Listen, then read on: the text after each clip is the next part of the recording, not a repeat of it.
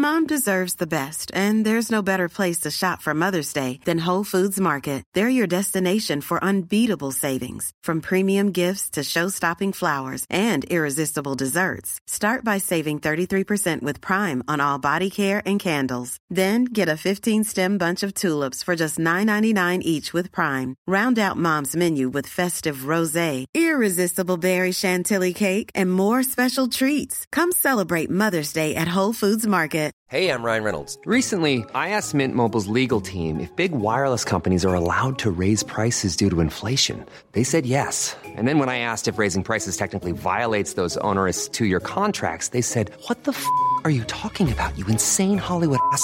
So to recap, we're cutting the price of Mint Unlimited from $30 a month to just $15 a month. Give it a try at mintmobile.com slash switch. $45 upfront for three months plus taxes and fees. Promo rate for new customers for limited time. Unlimited more than 40 gigabytes per month. Slows. Full terms at mintmobile.com. There's never been a faster or easier way to start your weight loss journey than with PlushCare. PlushCare accepts most insurance plans and gives you online access to board-certified physicians who can prescribe FDA-approved weight loss medications like Wigovi and Zepbound for those who qualify. Take charge of your health and speak with a board-certified physician about a weight loss plan that's right for you. Get started today at plushcare.com slash weight loss. That's plushcare.com slash weight loss. plushcare.com slash weight loss. Välkomna tillbaka till podden Utan dig med mig Emily. Och mig, Alexandra.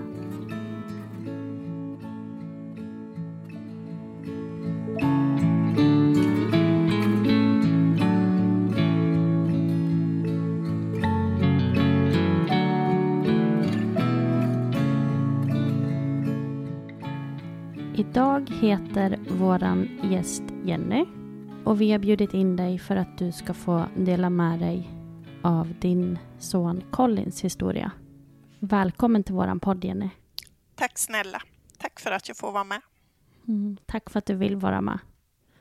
Vi fick ju dina kontaktuppgifter via Kärlekens pärla som vi har ett samarbete med.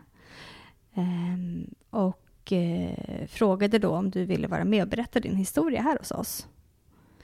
Så det känns ju jättefint att du ville vara med, som sagt. Mm. Ja, det är jag så gärna. Mm.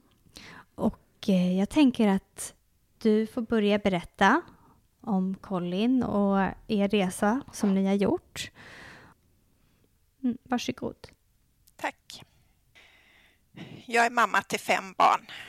Cassandra nu 25, Charlie 20, Elliot 15, Colin som snart skulle fyllt 6 och så lilla Bonnie, ett och ett halvt. Jag ska idag berätta om vår lilla Colin. Han var verkligen en alldeles underbar liten pojke. Han var så snäll, så klok och verkligen så fin på alla sätt. Colin blev tyvärr bara fyra år och fyra månader. Han var så otroligt efterlängtad av oss alla. Han var en riktig liten sladdis och hans syskon dyrkade honom från första stund. Colin föddes med planerat kejsarsnitt den 19 december 2016. Ett litet roligt minne från BB var när syskonen kom för att hälsa på. Då stack en sköterska in huvudet genom dörren och sa irriterat att alla som har fått barn ska ha fått information om att det är bara syskon som får komma hit och hälsa på på BB. Det var ju bara syskon, men vår äldsta Cassandra var nästan 20 år då. När, när sköterskan förstod hur det låg till bad hon om ursäkt och vi skrattade gott. Jag förstår att det inte tillhör vanligheten med så stor åldersskillnad på syskon. Colin var alltid i centrum. Vi är en stor familj så det fanns alltid en famn till hands för Colin, eller någon som hade tid att leka. Colin älskade verkligen att leka och han älskade sina syskon. Allt det svåra började för oss när vi åkte på en mycket efterlängtad resa till Thailand. Detta var i februari 2019 och Colin var då två år gammal. Efter bara två dagar i Khao Lak blev Colin sjuk.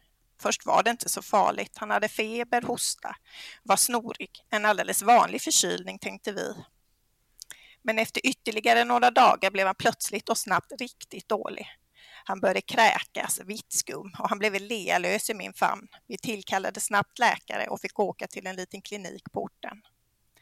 Där gjordes en röntgen och efter den fick vi snabbt åka med ambulans till ett större sjukhus i Phuket.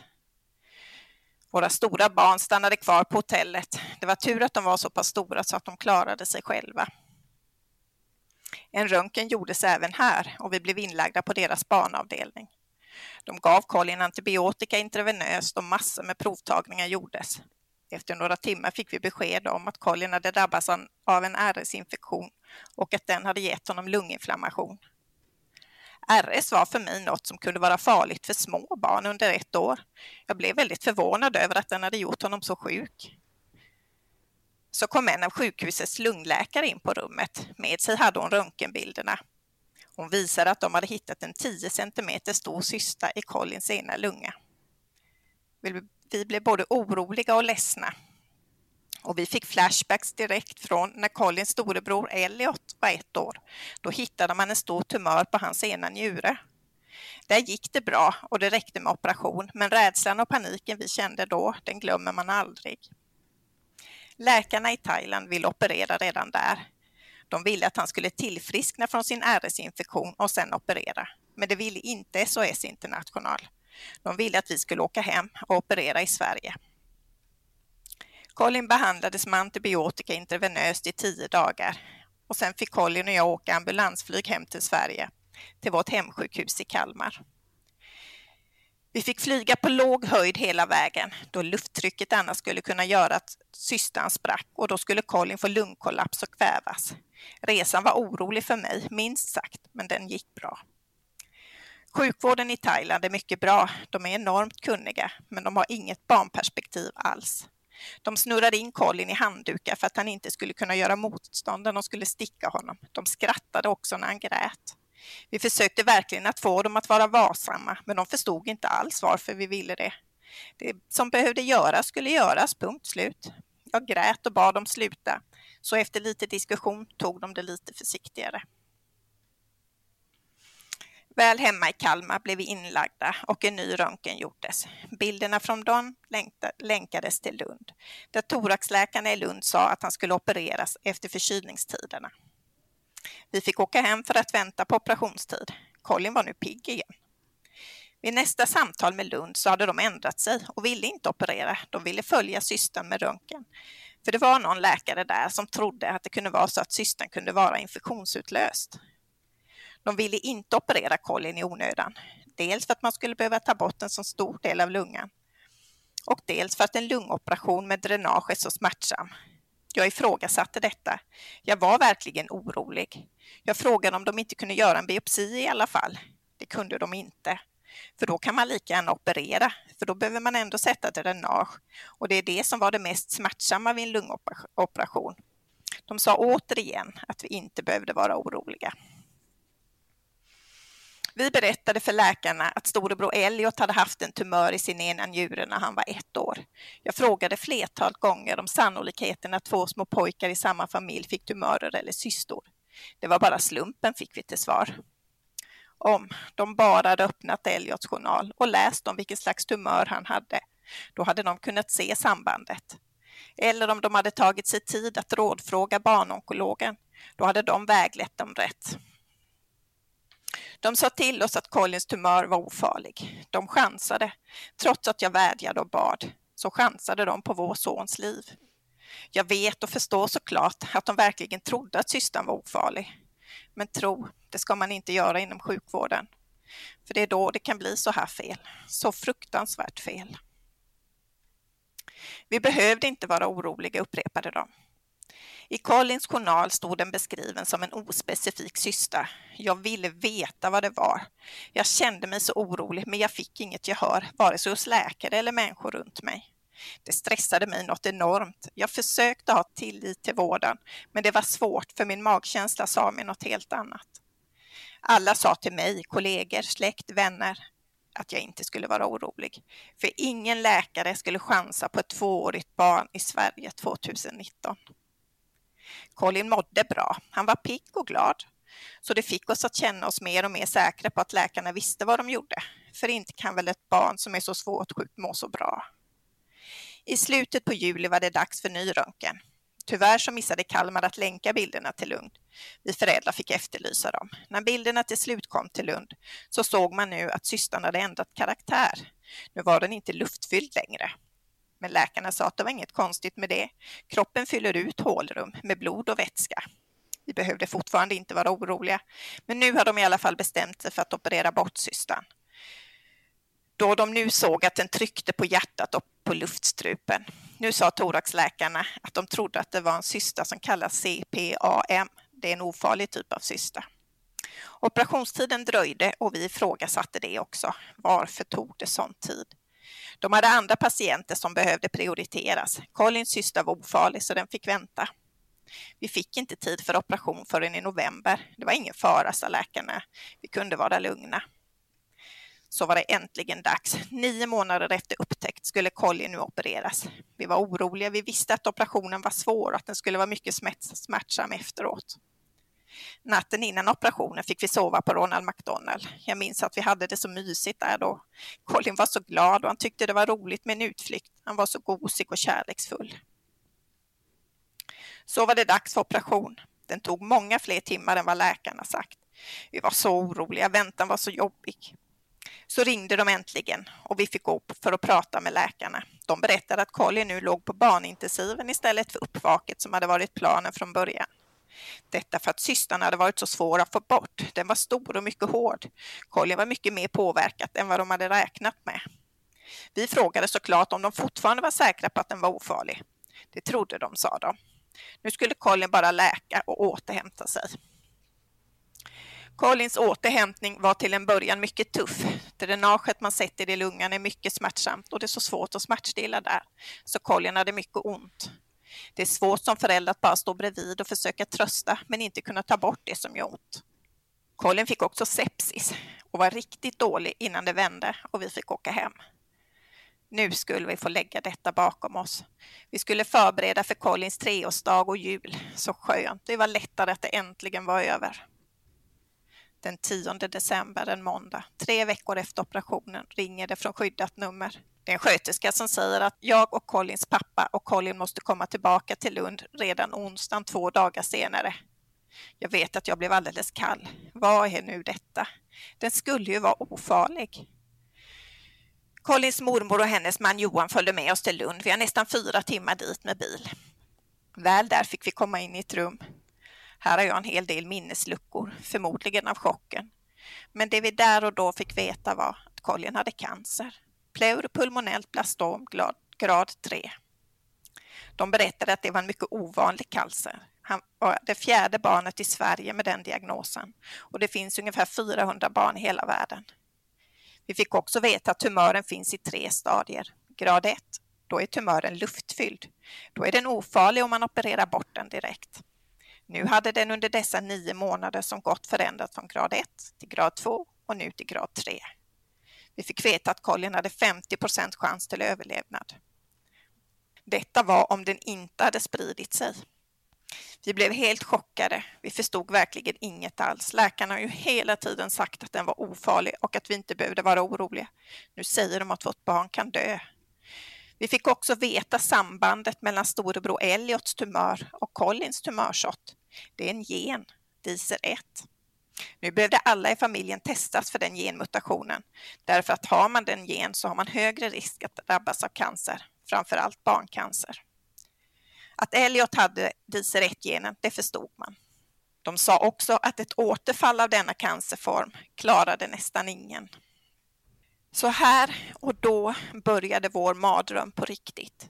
Vi blev inlagda direkt med Colin på avdelning 64 i Lund, barncanceravdelningen. Ingen hade sagt att vi skulle ha några saker med att få stanna kvar, så vi fick en timme på oss att inhandla lite nödvändigheter. Kaoset inom oss när vi irrade omkring för att handla tandborstar och annat, den var fullständigt total. Mormor och Johan fick flytta in hos våra stora barn hemma. För vi blev kvar i Lund. Colin fick fira sin treårsdag på barnonkologen i Lund. Han förstod inte så mycket, men vi förstod desto mer. Sköterskorna var så fina. De kom med paket och sjöng. Colin var glad, men jag grät. Vi fick nu lära oss hur det var att leva på en barncanceravdelning. Det vi har fått se och uppleva där Alltså, jag hittade inte orden. Men så otroligt mycket lidande, så fruktansvärt, så vidrigt. Och det är så mycket värre än man någonsin kan föreställa sig. Alla dessa barn, så tunna, hårlösa, eller av kortison uppsvällda med bandage, ärr, droppställningar, spypåsar. Gråten och skriken som ekar mellan väggarna.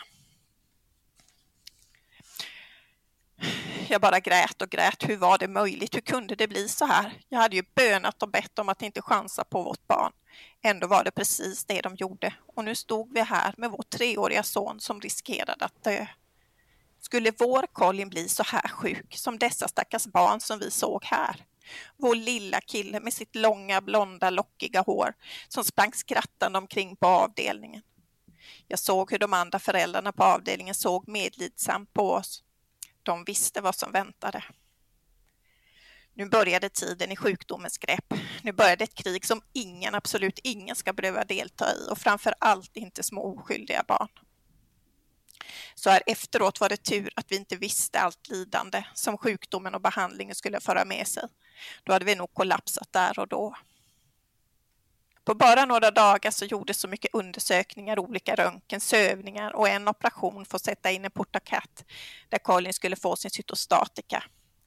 Vi fick veta att han skulle få mycket tuffa cellgifter för att han skulle ha en chans att överleva. Vi fick veta att det skulle bli otroligt svårt för honom och för oss, men att de skulle göra allt för att försöka rädda vårt barn. Det var det enda viktiga för oss, att vi skulle få behålla vårt barn. Redan första röntgen som gjordes blev ett otroligt nederlag. De hittade tre stycken metastaser i lungsäcken. Dessa gick inte att operera direkt då han nyligen gjort en stor operation i lungan. Det var för riskabelt att öppna upp honom så snart igen. 50 procents chans till överlevnad hade det sagt om cancern inte hade spridit sig.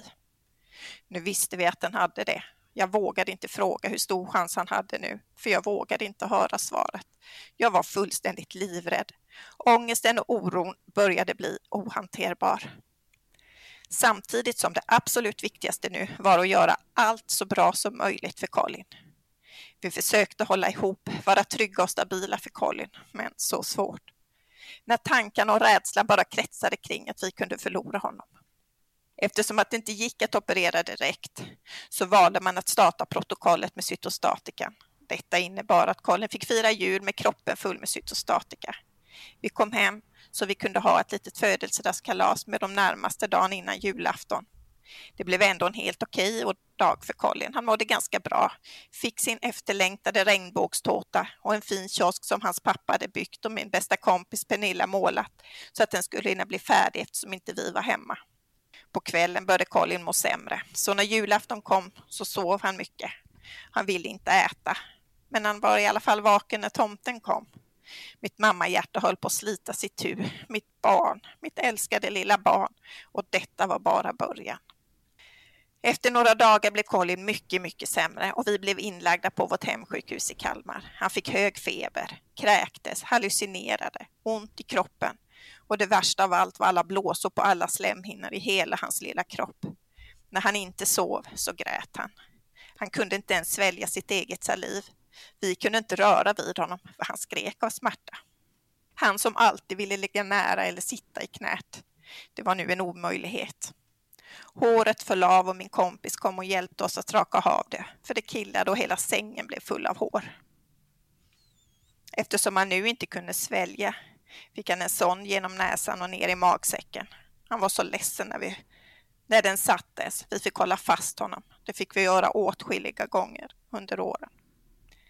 Han kräktes nästan oavbrutet under alla månader behandlingen pågick. Detta var så brutalt på alla sätt. I 14 år låg vi inne på sjukhuset innan det äntligen började vända. Då var det dags att åka till Lund för att fylla på med nya cellgifter. Så här höll det på. Till Lund för cytostatika, hem, inlagd för feber, blåsor och enorma smärtor tills det vände och det var dags för att åka till Lund och fylla på igen.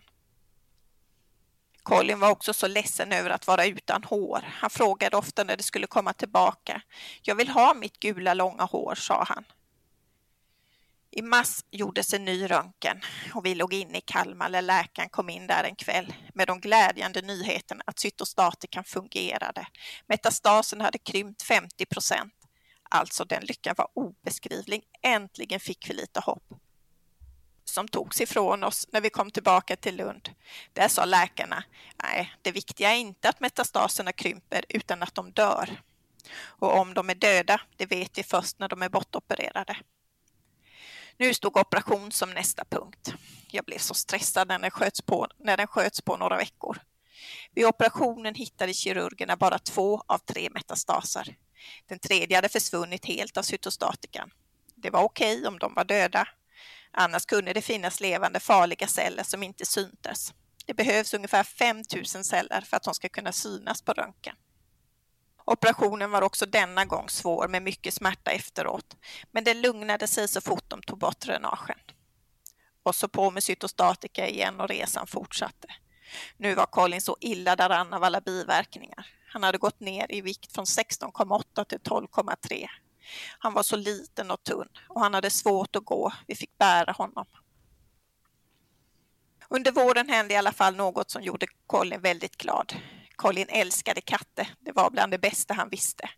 Vi hade en honkatt här hemma, en Birma. Vi gav henne p-piller, men i allt kaos som var i vårt liv så missade vi det och upptäckte en dag att hon var dräktig. Åh nej, kattunga mitt i allt, hur skulle det gå? Colin blev överlycklig och talade om att han skulle ha en svart och vit kattunge som skulle heta Ping. Hmm. Vi försökte förklara att man kan inte bestämma färger på kattungar. Det går inte att beställa en katt som man vill ha. Jo då, han var envis, det kunde han visst det. En natt när vi var hemma var det dags. Elliot och jag satt med kattmamman och allt gick bra. Hon fick bara en enda kattunge. En liten en och tro det eller ej, den var svart och vit. På morgonen fick Colin följa med in i badrummet och fram till lådan och den lyckan. Vad glad han blev för sin lilla ping. Alla läkare och sköterskor som vi träffade fick höra och titta på bilder om Ping. Det var det enda Colin ville prata om. Flera barnonkologer i Lund rådde oss att göra en anmälan till IVO. Det gjorde vi. De sa att så allvarliga misstag måste anmälas. Chefläkaren på barnonkologen sa att är det någonstans man ska få korrekt vård och undersökningar så är det på våra specialistsjukhus. Under denna vår fick vi veta att det var min man som var bärare av DICER-1-genen. Flera av våra barn hade den också, så nu skulle det alla parallellt med Collins behandlingar göra regelbundna kontroller, röntgen och prover. Det var ett evigt pusslande för att lösa allt. När vi var hemma var det alltid med färdigpackade väskor. För vi visste aldrig när febern slog till. När den gjorde det så hade vi en timme på oss att vara på sjukhuset enligt de rutiner som finns när det gäller feber under behandling för barn. Det är för att hinna behandla om det skulle vara sepsis. Vi har en timme till sjukhuset från oss, så därför måste vi alltid vara beredda. Ofta fick vi kasta oss i bilen mitt i natten. Colin låg alltid mellan min man och mig och sov. Vi båda kände på hans lilla kropp regelbundet under nätterna och så plötsligt, nu är han varm, fram med febertermometern och mycket riktigt, vi måste åka in igen. Bråttom blir det där mitt i natten. Det var oerhört stressande att leva så här. Att febern kom så fort, att det kunde vara livsfarligt när den kom. Att de stora barnen aldrig visste om vi skulle vara hemma när de vaknade. Förutom att väskorna var packade för oss tre så hade vi flera backar med leksaker med oss som Colin gillade. Det var ju våren när coviden var som värst. Så då var alla isolerade på rummen. Det var okej när Colin var jättedålig, men de dagarna han mådde bättre men inte var tillräckligt bra för att få åka hem så ville vi att han skulle få leka så mycket han orkade. Vi har lekt extremt många timmar på sjukhusen. Och Collins pappa har burit och burit alla leksaker Colin ville leka med. Det var väldigt blandade saker han gillade. Bilar, figurer, spel, lera. Ofta målade vi naglarna också. Han ville alltid ha dem målade i regnbågens färg. Alltid en färg på varje nagel. Så äntligen började det för Collins del att varvas med lite vildare variant av cytostatika och Colin blev inte fullt så dålig varje gång. Inlagda blev vi alltid, men han hade det inte fullt så jobbigt. Min bror min mamma och Johan och fler kom och byggde ihop mitt växthus. Detta blev Collins och min grej. Vi planterade tillsammans och följde spänt resultaten. Vi var många dagar här när Colin mådde bättre. Han hade full koll på alla grönsaker. Han visste precis vad som var vad. Syskonen trodde att han bara gissade, men han hade stenkoll. Så kom beskedet. Metastaserna de hade hittat och opererat bort var högst levande. Detta var inte alls bra. Det betydde bara att cytostatikan tog sönder de elaka cellerna. De dödade det inte. Vi fick fortsätta behandlingen och hoppas att den ändå skulle ha effekt på sikt. Så i maj kontrollröntgen igen. Första beskedet var att det fanns metastaser i andra lungan enligt Kalmar. Detta visade sig vara fel. Det var bara luftfickor som kan bli när ett barn har varit sövt länge. Allt såg fint ut. Ingen cancer syntes alls. Colin började nu må bättre och vi hade bara de lättare cytostatikadoserna kvar. Det var nu sommar. Colin och vi åkte regelbundet till Lund för cytostatika. Sen kom vi hem, fick några fina dagar med de andra barnen innan Colin blev sämre och vi blev inlagda i Kalmar igen. Colin fick ofta feber och man måste alltid läggas in och få antibiotika intravenöst då man befarar sepsis när barn under behandling får feber. Men han mådde i alla fall inte alls lika dåligt som i början av behandlingen. Nu började protokollet på cytostatikan gå mot sitt slut. Vad hände nu då? Vi fick vara med i diskussionerna med läkarna. De konsulterade Tyskland och ingen visste egentligen vad som var bäst. En ny kontrollröntgen gjordes. Oron vi känner innan svaret kommer är så tuff. Man fungerar nästan inte som människa. Men den var bra, så underbart, fortfarande inte ett spår av cancern. Kunde det vara så att vi kunde börja andas ut något? Vi bestämde i alla fall tillsammans med barnonkologerna att Colin skulle fortsätta på underhållsdos. En sort som man skulle få svälja från sprutor hemma varje dag och en sort som man skulle få i porten en dag på vårt hemsjukhus varje vecka. Sen provtagning för att se hur kroppen klarar av denna behandling. Det gjorde den bra. Och Colin mådde prima. Äntligen skrattade han igen, orkade leka och göra sånt som han tyckte var roligt. I augusti började en så fin tid. Vi hade det så fantastiskt tillsammans. Underhållsbehandlingen fortsatte, men det var inget som påverkade Colin. I september fick vi möjlighet att överraska Colin och hans syskon och resten av familjen med att vi skulle bli en till. Colin fick veta att han skulle få en lilla syster. Han tyckte det var så spännande. Min man och jag hade träffat klinisk genetik och gått igenom riskerna om vad som skulle hända om även lilla syster bar genen. Så kom oktober och äntligen började Collins hår att växa ut. Han var verkligen så glad för det. När hösten kom ville han inte ha mössa på sig. Han sa, nej, jag vill kunna känna vinden i mitt hår. Så liten och så uppskattade han att känna vinden i håret. Åh, vilken fin höst vi fick. Kontrollröntgen i oktober visade återigen bara bra resultat. Vi gick ut och firade på restaurang med Colin och de stora barnen. Colin åt då som aldrig förr. Nu fylldes dagarna bara av lek. Colin hade olika lekar med oss och sina syskon. Charlie som nu hade flyttat ut i utedelen på vårt hus fick ofta ta med sig Colin för att titta på film eller spela dator. Ät, gärna äta lite gott med. Colin ville ofta sitta i hans knä och gosa. Han ville gärna också att de skulle hitta på bus ihop som skulle göras på oss andra. Elliot fick leka fantasilekar i all oändlighet med Colin.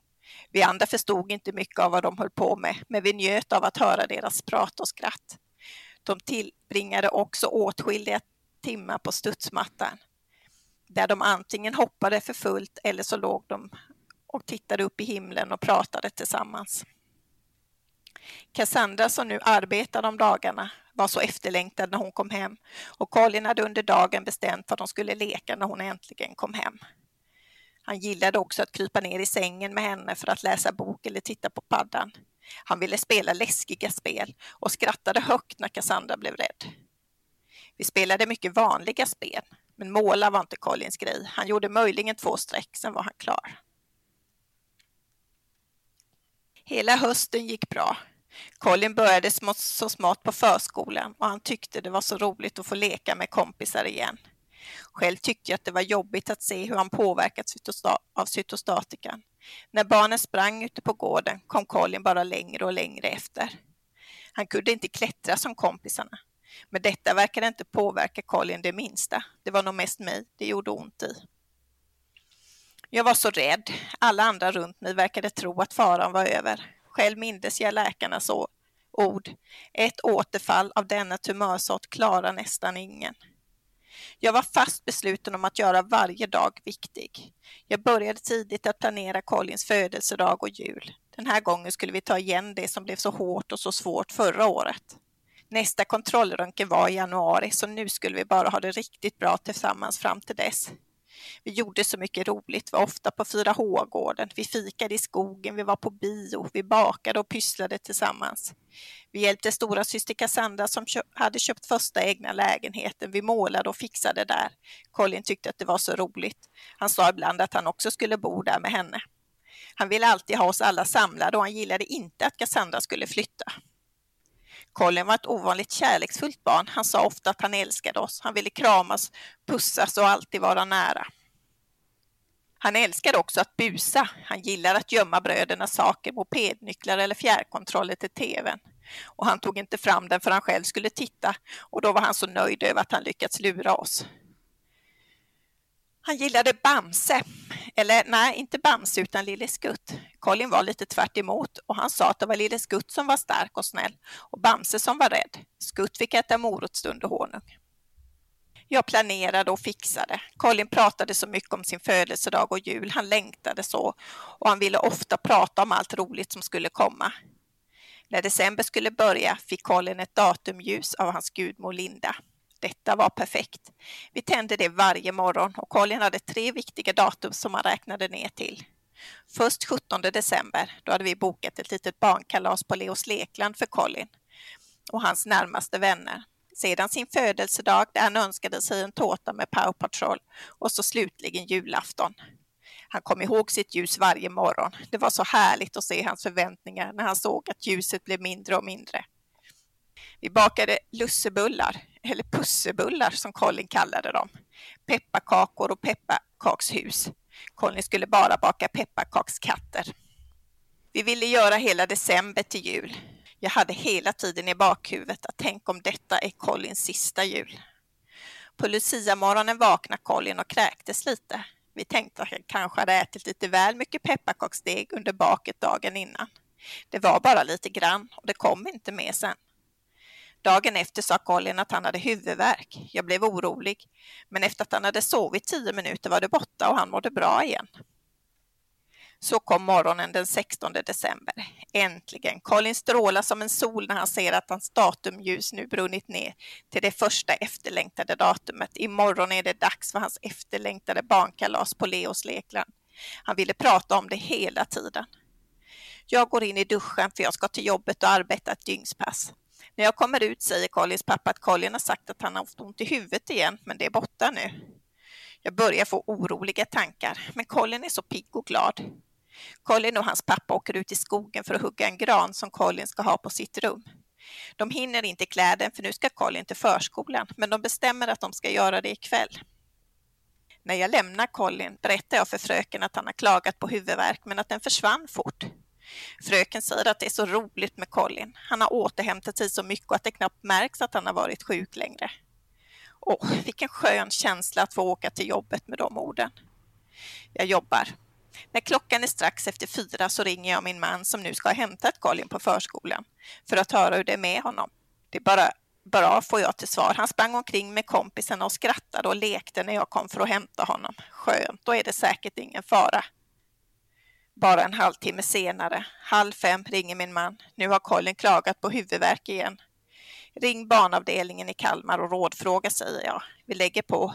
Jag känner instinktivt att jag måste åka in med Colin. Min man ringer tillbaka och säger att nu kräks Colin också, men sköterskan har svarat efter att ha rådfrågat med läkaren att det går så mycket konstigt nu. Det kan vara covid eller något annat, så vi behöver inte åka in. Ge honom smärtstillande och avvakta. När jag får höra att Colin har kräkts också blir jag rädd. Jag ber min kollega hoppa in och ta dygnet för mig. Jag ringer barnavdelningen och säger att vi kommer ändå. De tycker fortfarande inte det, men jag står på mig. Colin bara sover men vaknar emellanåt och har mycket ont. Det blir bara värre och värre och jag känner vilken tur att vi åker in.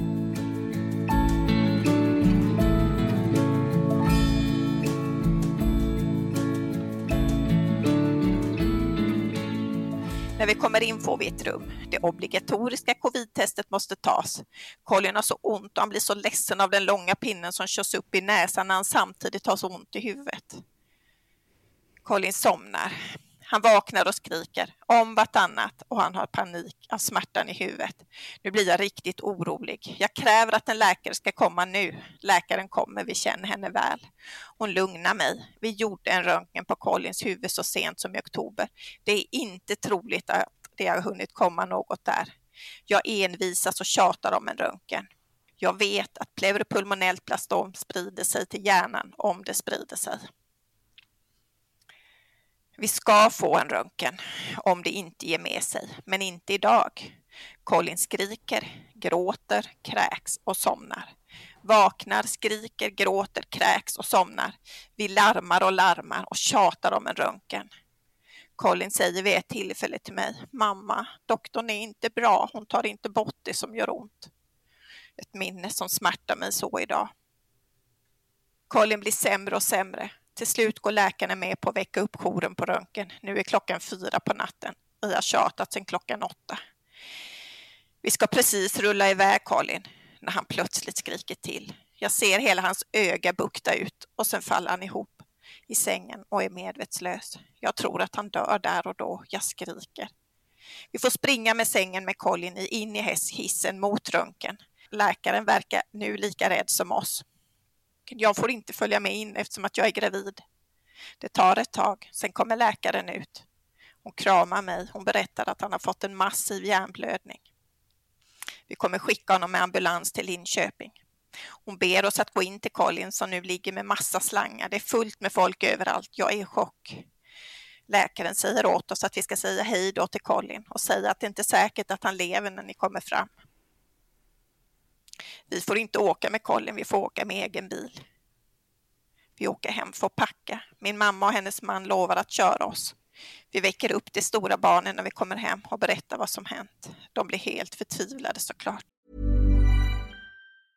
Hey, I'm Ryan Reynolds. Recently, I asked Mint Mobile's legal team if big wireless companies are allowed to raise prices due to inflation. They said yes. And then when I asked if raising prices technically violates those onerous two-year contracts, they said, "What the f*** are you talking about? You insane Hollywood ass." So to recap, we're cutting the price of Mint Unlimited from $30 a month to just $15 a month. Give it a try at mintmobile.com slash switch. $45 upfront for three months plus taxes and fees. Promo rate for new customers for limited time. Unlimited more than 40 gigabytes per month. Slows. Full terms at mintmobile.com. I'm Sandra, and I'm just the professional your small business was looking for. But you didn't hire me because you didn't use LinkedIn jobs. LinkedIn has professionals you can't find anywhere else, including those who aren't actively looking for a new job, but might be open to the perfect role, like me.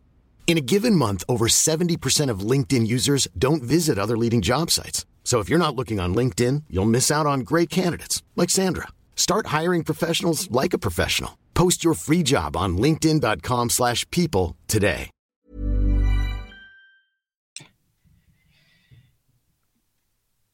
Innan jag kliver in i bilen innan vi ska åka. Jag bara skriker rakt ut mitt i natten. Mitt barn, mitt barn. De måste rädda mitt barn. Vi är i chock. Vi pratar hela vägen till Linköping. Vi har tre timmar dit. Vi vet att han kan vara död. Vi säger att vi hellre vill att han ska vara död än så skadad att han inte får ett värdigt liv. Men ju närmare Linköping vi kommer, desto mer säger vi bara han lever, bara han lever, bara han finns kvar. Så får det bli som det blir. Vi, föräldrar, syskon, mormor och Johan blir mottagna av en jättefin kurator. Hon berättar att Colin lever, att han ligger på operationsbordet. Timmarna går. Hon ser till att vi äter och dricker. Hon är extra mån om mig som är gravid. Timmarna går och det blir kväll. Idag skulle Colin ha haft sitt efterlängtade barnkalas på Leos lekland. Smärtan jag känner över orättvisa mot mitt barn, hur livet behandlar honom. Jag finner inga ord för det. Detta gör bara för ont så kommer äntligen läkarna som opererat Colin.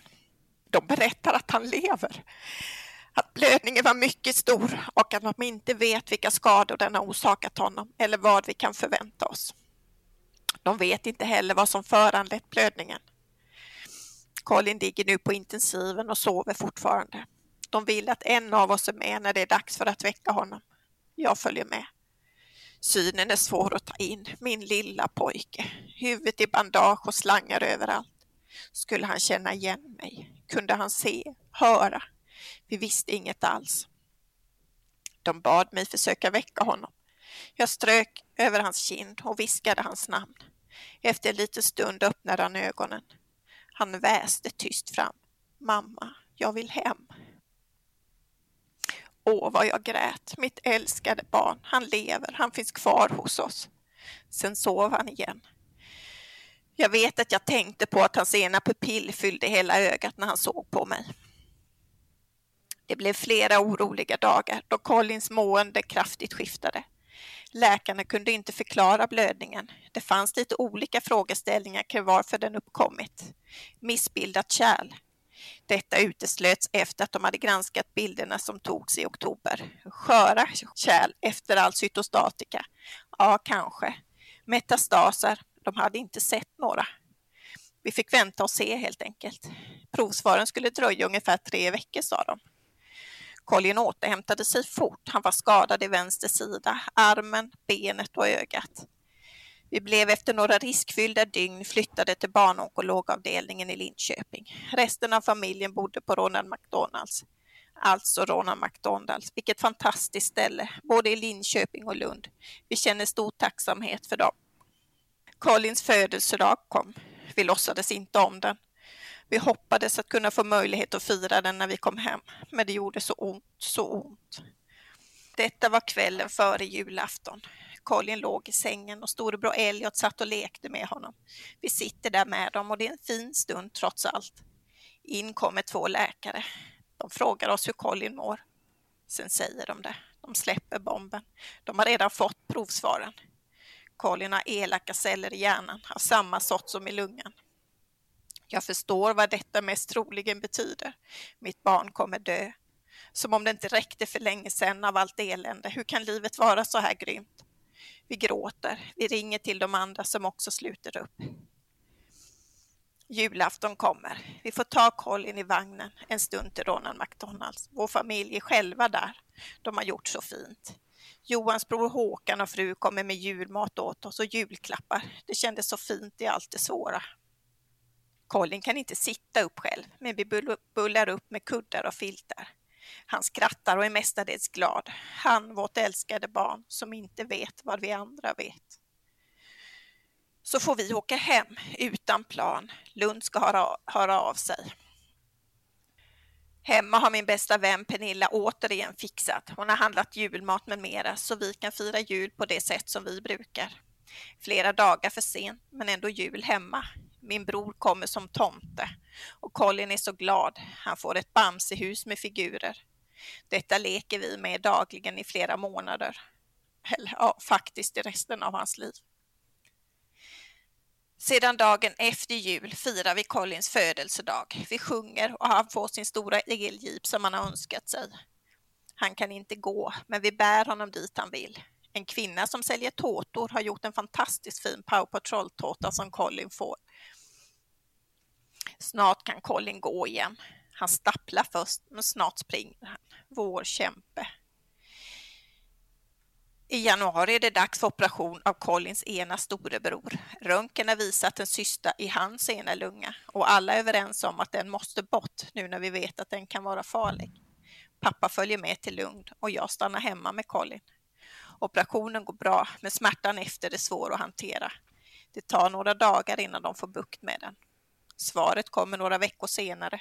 Den var inte farlig nu, men den hade kunnat bli farlig om den fick sitta kvar. Vi har ett inplanerat stort möte över Teams med Collins läkare i Lund. Då får vi veta att det finns några barn i USA som de har lyckats rädda med strålning på hjärnan och en annan typ av cytostatika. Vill vi prova? Det kommer att bli tufft, men det kan gå om vi har tur. Ja, lite hopp igen. Självklart vill vi försöka. Det enda vi vill är att behålla vårt barn. Det är så många människor som gör så mycket fint för Colin och för oss. Vi är så tacksamma. Elin, brorsans sambo, hon fixar dagar med bad på Vattenpalatset. Det är egentligen stängt för covid, men hon vet att Colin älskar att bada. Så hon fixar att han får göra det tillsammans med sina kusiner och syskon. Så fint. Pernilla som lånar stora lastbilen på jobbet och hämtar Colin och mig. Hon spelar hans favoritmusik när vi åker. Pernillas pappa som låter Colin köra grävmaskin med honom. Louise som klädde ut sig till sommarskuggan som kom och dansade och lämnade presenter och skuggslem. Louise fixade också hit hela räddningstjänsten från Fliseryd med brandbil och ambulans. Colin fick spruta vatten tillsammans med en brandman. Så stort. Tina och Hasse som skickar mängder av presenter av olika slag, liksom Camilla och Håkan som skriver brev från taxen. Folke, det var en fröjd för Colin med alla paket och överraskningar. Trollet Lotta, min vän, som är utbildad sagopedagog. Hon kom med jämna mellanrum hem till oss utklädd till troll för att berätta sagor. Colin älskade det, speciellt om sagan om katten i skafferiet. Och så en fin vän, Katrin. Hon startade en insamling till Colin och så många omtänksamma människor som ville göra något för Colin. Min vän Pernilla ordnade med insamlingspengarna till en sån fin resa till Kolmården med övernattning på Vildmarkshotellet tillsammans med dem. Detta var i februari Åh, vilka minnesvärda dagar. Vi är så tacksamma. Colin hade verkligen roligt. Det absolut största och bästa för Colin med resan till Kolmården var när han fick träffa Lille Skutt. Han blev så glad. Lille Skutt, hans favorit. När vi senare låg i Lund igen fick Colin en filmsnutt skickad till sig med en hälsning till honom från Lille Skutt. Jag blev alldeles rörd av alla fina människor som gjorde så mycket för Colin. När vi var på Kolmården så märkte vi att Colin började få lite svårt med balansen igen. Även små kulor kände på, kändes på hans huvud. Var det ärr efter operationen eller vad var det? När vi kom hem packade vi om för att åka till Lund för att börja ännu en kamp med målet att rädda vårt barn. Collins knölar på huvudet hade växt och han blev snabbt sämre. Knölarna visade sig vara tumörer som nu växte på utsidan av skallbenet. De blev stora som pingisbollar och jag hatade dem. Jag visste att det kunde se likadant ut på insidan. Vi såg verkligen den vidriga cancern växa framför våra ögon. Han började vingla när han gick. Han såg inte heller i vissa vinklar, så det hände att han gick in i saker om inte vi var snabba nog att styra honom. Vi började med strålningen. Vi bodde på Ronald McDonald. Storbror Elliot bodde också med oss och skötte skolan på distans. Colin strålades varje morgon i ungefär tre veckor av en helt underbar personal. Colin älskade att gå dit. Han sövdes varje dag. Han talade gladeligen om för strålningspersonalen att han kunde minsann komma tillbaka och leka med dem igen när han hade vaknat på uppvaket. Strålningen gjorde snabbt att Colin blev bättre, både balans och syn förbättrades. Vi blev så hoppfulla. Tänk om detta räddar vårt barn. Vi hade så otroligt fina dagar dessa veckor, så mycket lek och utflykter efter att strålningen var klar om dagarna. Så kom dagen då strålningen var helt färdig. Vi skulle hem nu för att Collins lilla syster skulle plockas ut med kejsarsnitt lite i förväg, men det var för att vi skulle kunna hålla planen med cytostatikan som var planerad för Colin. Vid utskrivningssamtalet från Lund satt vi med två av läkarna. Det är ett svårt samtal för oss Även om Colin är bättre så finns inga som helst garantier att detta kommer gå bra. Colin leker i rummet och han är glad. Han har ingen aning om allvaret i luften. Plötsligt avbryter han läkaren med en fråga till mig. Mamma, kommer din navel bli normal igen när lilla syster har kommit ut? Älskade lilla barn, dina bekymmer är inte alls som våra. Vi skrattar åt frågan och för en liten stund lättade trycket i mitt bröst. Lilla syster Bonnie kom måndagen den 15 mars och mötet mellan Colin och henne är för alltid inpräntat på min näthinna. Så fint och han var så stolt. Han hade med sig en gosedjurskatt till henne som han hade köpt själv. Fyra dagar senare var det dags för ny kontrollröntgen innan vi skulle fortsätta behandlingen i Lund veckan efter. Dagen efter röntgen, fem dagar efter att vi fått Bonnie, kom samtalet vi inte ville ha. Det har inte hjälpt. Hela Collins hjärnhinna är full av metastaser. Colin kommer att dö. Det finns inget mer att prova för att rädda honom. Här ville jag själv dö. Det gjorde så ont. Vi frågade hur länge de trodde att vi skulle få behålla honom. Jag tror inte att det sker idag, inte imorgon heller, men sen kan det hända när som helst, svarade läkaren. Colin levde ytterligare fem veckor. Fem väldigt fina veckor. Vi hade en önskan om att Colin skulle få dö hemma om det var möjligt. Vi kände att han hade tillbringat så mycket av sitt korta liv på sjukhus och han ville alltid hem. Så vi ville vara hemma för Collins skull. Vi fick ha ett möte med ett palliativt team som skulle kunna komma om vi behövde dem. Det kändes som att jag skulle kräkas när de satt här hemma hos oss. Det pratades om smärtlindring och lugnande inför vårt barns död. Det enda vi ville var att vakna ur denna fasansfulla mardröm.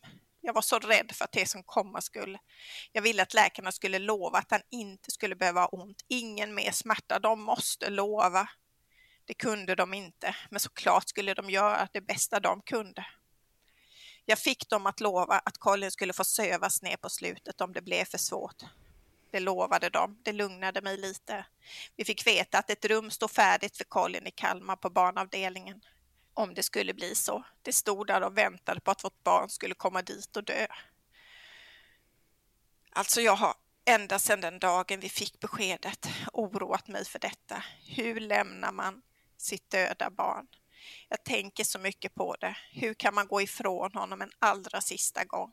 Jag skulle aldrig klara det. Det kändes verkligen i hela mig. Det skulle aldrig gå. Men än var vi hemma. Colin lekte och var glad. Han gosade mycket med sin lilla syster. Vi lekte med Bamsehuset, spelade spel och bara mös. Sista veckan Colin var med oss gick det snabbt. Han blev tröttare och sov mycket. Men vi förstod ändå inte hur nära det var. Eller kunde inte ta in, jag vet inte. Måndagen den 19 april var Collins sista dag med lek. Vi satt ute på altanen i solen och lekte med bilbanan. Sen fortsatte vi leken inne med Bamsehuset. På kvällen var han så mysig. Vi gosade som alltid i soffan och han skrattade mycket. Han ville kramas med alla, hårt och länge. När det var dags att sova ville han att pappa skulle lägga honom. De gick upp och berättade påhittade sagor, det som var deras grej. När Colin skulle sova sa han till sin pappa att han älskade honom. Colin brukade bara skratta och säga att pojkar inte kunde älska pojkar om någon av grabbarna i familjen sa det till honom. Men inte den här kvällen. Då sa han pappa, jag älskar dig. Bonnie och jag gick också upp och la oss. Vi låg alltid alla i samma säng.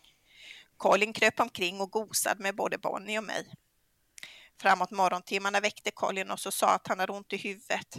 Det hade han gjort förut och då gav vi honom smärtstillande och så blev det bättre. Denna morgon hjälpte det inte. Jag fick panik, mitt barn får inte ha ont. Vi bar ner honom till soffan. Jag kände att jag började tappa mitt lugn.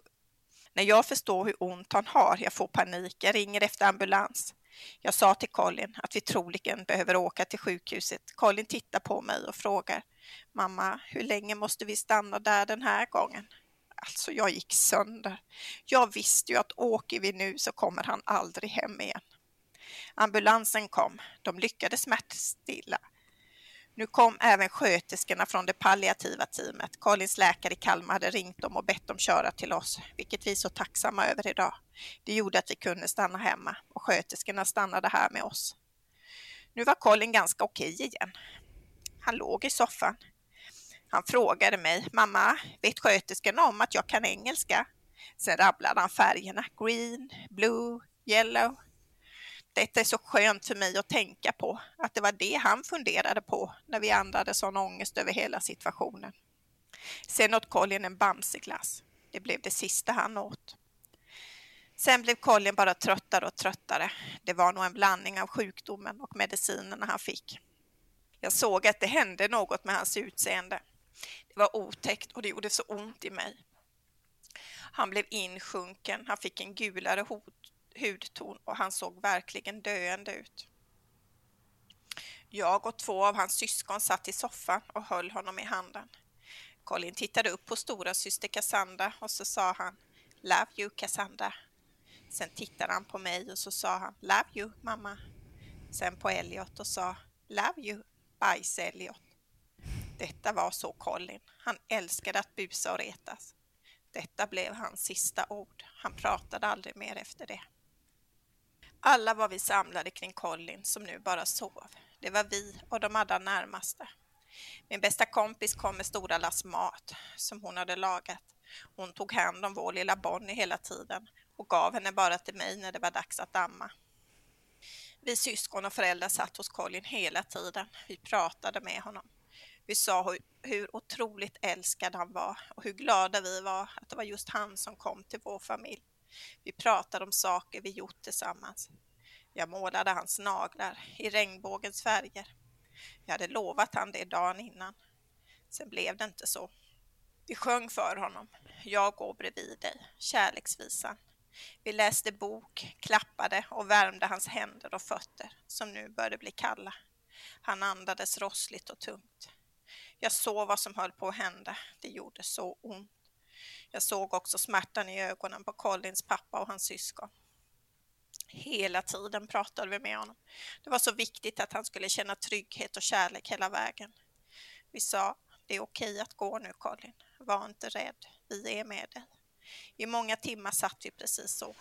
Han andades rossligare och mer sällan. Den 21 april 1358 tog Colin sitt allra sista andetag i vår famn med oss alla runt sig. Samtidigt som vi spelade Ser du månen där du är ikväll. Så var det över. Vårt barn var borta. För precis så var det. Han var borta. Det kändes så tydligt. Nu var det bara skalet vi hade kvar.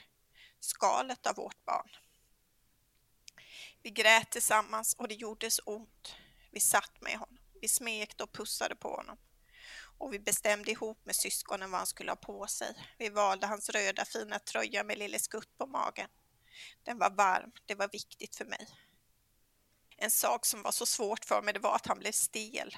Jag trodde inte att det skulle gå så fort. Mitt mjuka, goa barn, han blev så stel och svår att klä på. Vi bäddade ner honom i sitt bamsetäcke, plockade fram det vi ville att han skulle ha med sig, la ett foto på hela familjen på hans bröst. Så kom begravningsbyrån för att hämta honom. Detta som skrämt mig under hela Collins sjukdomstid. Hur lämnar man ifrån sig sitt barn för allra sista gången? Det konstiga var att det gick. Om det var för att jag var i chock eller bara för att det var så tydligt att det bara var skalet av Colin som fanns kvar, det vet jag inte. Men vi stod tillsammans hela familjen på vår veranda och vinkade av vårt barn när han åkte iväg med bårbilen. Sen kände jag en konst, konstigt nog en lättnad, ett lugn. Jag vet inte om det berodde på att det som skrämt mig så länge och så mycket var att det skulle bli plågsamt för Colin att dö, att det skulle göra ont när han dog. Nu var det över och det hade gått lugnt och stillsamt till. Återigen allt för vårt barn. Vi sov natten, förmodligen för att vi var helt slut. Men att vakna nästa morgon, det var en smärta som verkligen inte kan beskrivas. Att vakna och veta att Colin är död, han är borta och han kommer aldrig mer komma hem till oss. Vårt hem svämmade snart över av vackra blommor, fina samtal och meddelande. Men en tomhet. Jag hade haft Colin i min famn i stort sett varje dag. Vi låg alltid nära, gosade och mös. Jag kände mig halv. Det fattades en del av mig själv. Vi packade Collins lilla resväska med saker som han tyckte om, med brev och foton på oss i familjen. Denna lämnade vi på begravningsbyrån. De fick lägga det i kistan hos Colin. Vi valde att inte se honom mer. Vi ville inte ha fler smärtsamma minnen. Vi planerade begravningen. Eller, jag hade tänkt mycket på den ända sedan den dagen jag visste att risken fanns att han skulle dö. Ingen i familjen hade velat lyssna på mina tankar eller dela det med mig, utom min vän Pernilla. Hon hade tidigt svarat ja när jag bett henne om det svåraste, om hon kunde gå bredvid mig i detta, finnas vid min sida och hjälpa mig. Hon är fantastisk och så duktig på så mycket. Hon är kreativ och handlingskraftig. Hon har under Colins sjukdomstid snappat upp alla mina funderingar och tankar på hur jag ville ha begravningen, vad som var viktigt för mig och för att det skulle bli verkligen för Colin. Det blev så fint det kunde bli, verkligen vackert. Så smärtsamt men ändå fint. Pernilla hade åkt till begravningsbyrån och målat Lille Skutt på hans kista. Så fint. Hon gjorde programbladen till kyrkan med Lille Skutt på. Hon dekorerade så fint i kyrkan och hade framkallat det kort på Colin som vi ville ha med. Hans gosedjur var med. De satt där runt om på Collins små barnstolar. och så mycket vackra blommor. Det var ju covidrestriktioner så det fick inte vara mer än 20 personer. Vi bjöd med en av Collins fröknar, Märit. Hon har haft alla våra barn på förskolan så det kändes fint. Ludvig, Collins kusin och lekkamrat, han hade bett sin mamma att få sina naglar målade i regnbågens färger till äran för Colin. Det var, fler, det var vi fler som hade gjort denna dag. Eva, en tjej som följt Collins resa, erbjöd sig att sjunga och jag hade på våren när Colin var sjuk hört en gripande sång från morgon-tvn. Det var en tjej som hade skrivit om att förlora ett barn i tsunamin. Den var så vacker och smärtsam. Jag tänkte när jag hörde den att om det värsta händer vill jag att denna spelas. Nu hade det värsta hänt. Jag mejlade den tjejen och frågade om vi fick använda hennes låt och om hon i så fall kunde skicka noterna. Det gjorde hon. Vi skrev om den så den passade Colin och att han gick bort i sjukdom. Den blev så fin. Colins stora syster Cassandra brukar sjunga och sjöng när Colin döptes. Jag hade inte en tanke på att be henne sjunga på sin lillebrors begravning, för jag tänkte att det skulle bli alldeles för smärtsamt för henne. Men hon kom själv och sa, mamma jag vill sjunga. Det var självklart för henne. Hon sjöng kärleksvisan. Var inte rädd, vi går bredvid dig. Hon sjöng och hon grät i slutet, men det blev så fint. Vi spelade också Ser du månen och annan fin musik som vi förknippade med Colin. Vi hade önskat prästen som vigt oss för massor med år sedan. Han var pensionär nu, men han ställde gärna upp. Han höll ett fint tal om Colin och Lille Skutt. Efter hade vi vackra ballonger som alla fick skriva en hälsning på till Colin. Dessa släppte vi gemensamt upp i luften på kyrkbacken. Så var Collins begravning över. Vi valde att utsätta honom på mors dag några veckor senare. Det var bara vi, familjen. Pernilla hade målat Lille Skutt på urnan och det blev en fin stund det också. Nu har det gått lite mer än ett och ett halvt år sedan Colin lämnade oss. Jag undrade alltid hur jag skulle kunna leva utan honom och det undrar jag idag med. Jag förstår verkligen inte att det går. Men vad har vi för val? Colin har verkligen lärt oss att inte ta något för givet. Att vara tacksamma för varandra och allt som trots allt är fint här i livet. Vi saknar honom så mycket. Livet är så fruktansvärt orättvist. Vi försöker fokusera på alla fina minnen vi har med Colin. De är så värdefulla. Collins syskon har verkligen gjort allt för Colin. På olika sätt har de berikat hans liv. Han har fått så mycket lek, kärlek, bus och galna upptåg. Han hade en speciell relation med var och en av dem. Några tjejer i en grupp på Facebook som jag har känt sedan innan jag blev gravid med Colin. De har barn i samma ålder. De skickade oss ett sätt att göra avgjutningar med. Vi gjorde Colins lilla hand så värdefull idag. Jag smeker den ofta och tittar på alla veckor, de små naglarna. Jag skulle kunna berätta så mycket mer om Colin, hur underbar han var och hur mycket han betyder för oss. Jag skulle också kunna berätta så mycket mer om alla fina människor som gjort så mycket för Colin, men någonstans måste jag väl avrunda. Jag skulle kunna fortsätta en hel evighet annars. Men en sak till vill jag berätta. Hela första året utan Colin så valde vi bort att fira högtider. Det var alldeles för smärtsamt för oss. Bara tanken på jul och hans födelsedag höll på att knäcka oss. Så vad skulle vi göra första julen utan Colin? Jo, efter lite övervägande hit och dit bestämde vi oss för att försöka ta oss till Thailand igen. För att hoppa över julen helt. Att låtsas som den inte existerade. Det var inte enkelt att ta sig till Thailand då, för det var fortfarande många covid-restriktioner. Men vi var envisa och gav oss 17 på att vi skulle komma iväg. Det gjorde vi. Jag, Elliot, Bonnie och min man kom fram först. Vi hade valt samma hotell där vi bodde, där allt började. De stora barnen skulle komma några dagar senare. Väl på plats efter den långa resan var vi trötta och skulle gå ut för att äta lite mat innan vi skulle lägga oss. Men var skulle vi gå? De hade ju inte öppnat upp riktigt ännu efter coviden så det fanns inte så många ställen att välja på. Min man sa, ska vi gå till den sista restaurangen där vi åt när Colin var med, precis innan allt började. Vi valde den Det var deras första öppna dag efter coviden. Den hade varit stängd i nästan två år. Vi var de enda gästerna. Vi valde ett bord vid havet. Bonnie sov i vagnen och vi slog oss ner. Det fanns en tom stol vid vårt bord.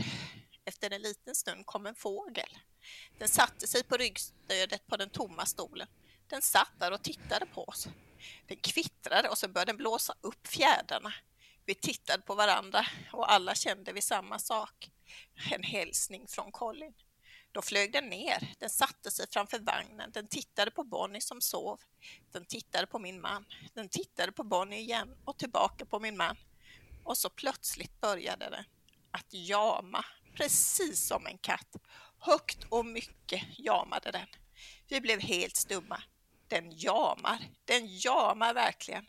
Vi kände att ett tydligare tecken kunde vi inte från Colin kunde vi inte få. Colin älskade katter och pratade om katter så mycket och överallt och jämt. En gång när vi var för att titta på hundvalpar, ja, de var väl roliga, men när de gamla katterna i huset kom, då var det bara de som gällde. Om någon frågade Colin om han skulle bli storebror, då tittade han nästan förnärmat på dem och svarade alltid, nej, jag är en kattsuperhjälte. På Kolmården var katterna som bodde i stallet mycket roligare än den lilla elefantungen. Så glad var Colin alltid för katter. Så när detta hände fick vi ett lugn. Det var som att Colin sa till oss att vi skulle ha det bra. Min pappa som är skeptisk till sånt här sa, det där var med största sannolikhet en stare. De kan härma ljud. Ja, vi googlade och ja, det var en stare. Men vad är sannolikheten att just denna stare som härmar en katt slår sig ner hos oss vid vårt bord just när vi behövde det som bäst? Vi väljer i alla fall att tro att det var en hälsning från Colin. Det känns fint. En präst sa till oss att inte tänka att ett bra liv är samma sak som ett långt liv. Att man istället ska mäta ett bra liv i kärlek eller kanske upplevelse. Det kändes bra. Vi vet att Colin på många sätt hade ett tufft liv, men vi vet också att han var överöst av kärlek, uppmärksamhet och fina upplevelser. Så på många sätt fick Colin ett bra liv, trots allt. Anmälan till IVO resulterade i att thoraxkliniken blev allvarligt kritiserade på flera punkter. Det gör ont att läsa och förstå att vi hade haft vårt barn här hos oss och att han hade sluppit så mycket av hans enorma lidande om de hade hanterat hans ärende korrekt. Det här var lite om våran resa och våran Colin. Mm. Tack så jättemycket Jenny. Ja, tack Jenny.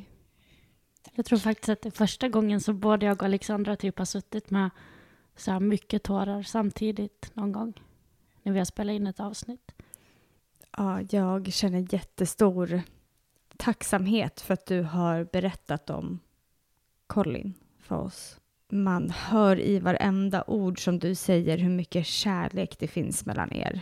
Hur kärleksfull Colin var och vilken kärlek ni har i er familj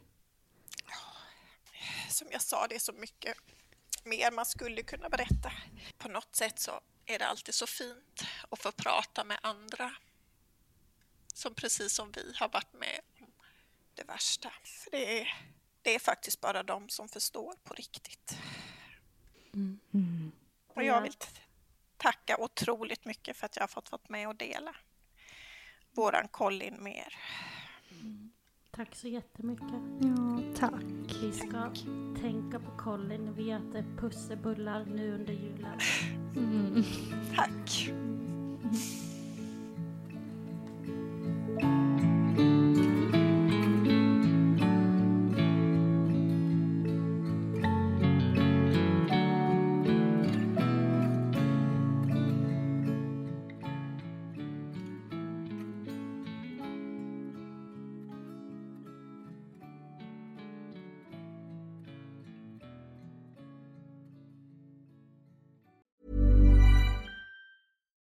Deserves the best, and there's no better place to shop for Mother's Day than Whole Foods Market. They're your destination for unbeatable savings, from premium gifts to show-stopping flowers and irresistible desserts. Start by saving 33% with Prime on all body care and candles. Then get a 15-stem bunch of tulips for just $9.99 each with Prime. Round out Mom's menu with festive rosé, irresistible berry chantilly cake, and more special treats. Come celebrate Mother's Day at Whole Foods Market. Planning for your next trip? Elevate your travel style with Quince. Quince has all the jet setting essentials you'll want for your next getaway, like European linen, premium luggage options, buttery soft Italian leather bags, and so much more. And is all priced at 50 to 80% less than similar brands. Plus, Quince only works with factories that use safe and ethical manufacturing practices. Pack your bags with high-quality essentials you'll be wearing for vacations to come with Quince. Go to quince.com slash pack for free shipping and 365-day returns. Mom deserves the best, and there's no better place to shop for Mother's Day than Whole Foods Market. They're your destination for unbeatable savings, from premium gifts to show-stopping flowers and irresistible desserts. Start by saving 33% with Prime on all body care and candles. Then get a 15-stem bunch of tulips for just $9.99 each with Prime. Round out Mom's menu with festive rosé, irresistible berry chantilly cake, and more special treats. Come celebrate Mother's Day at Whole Foods Market.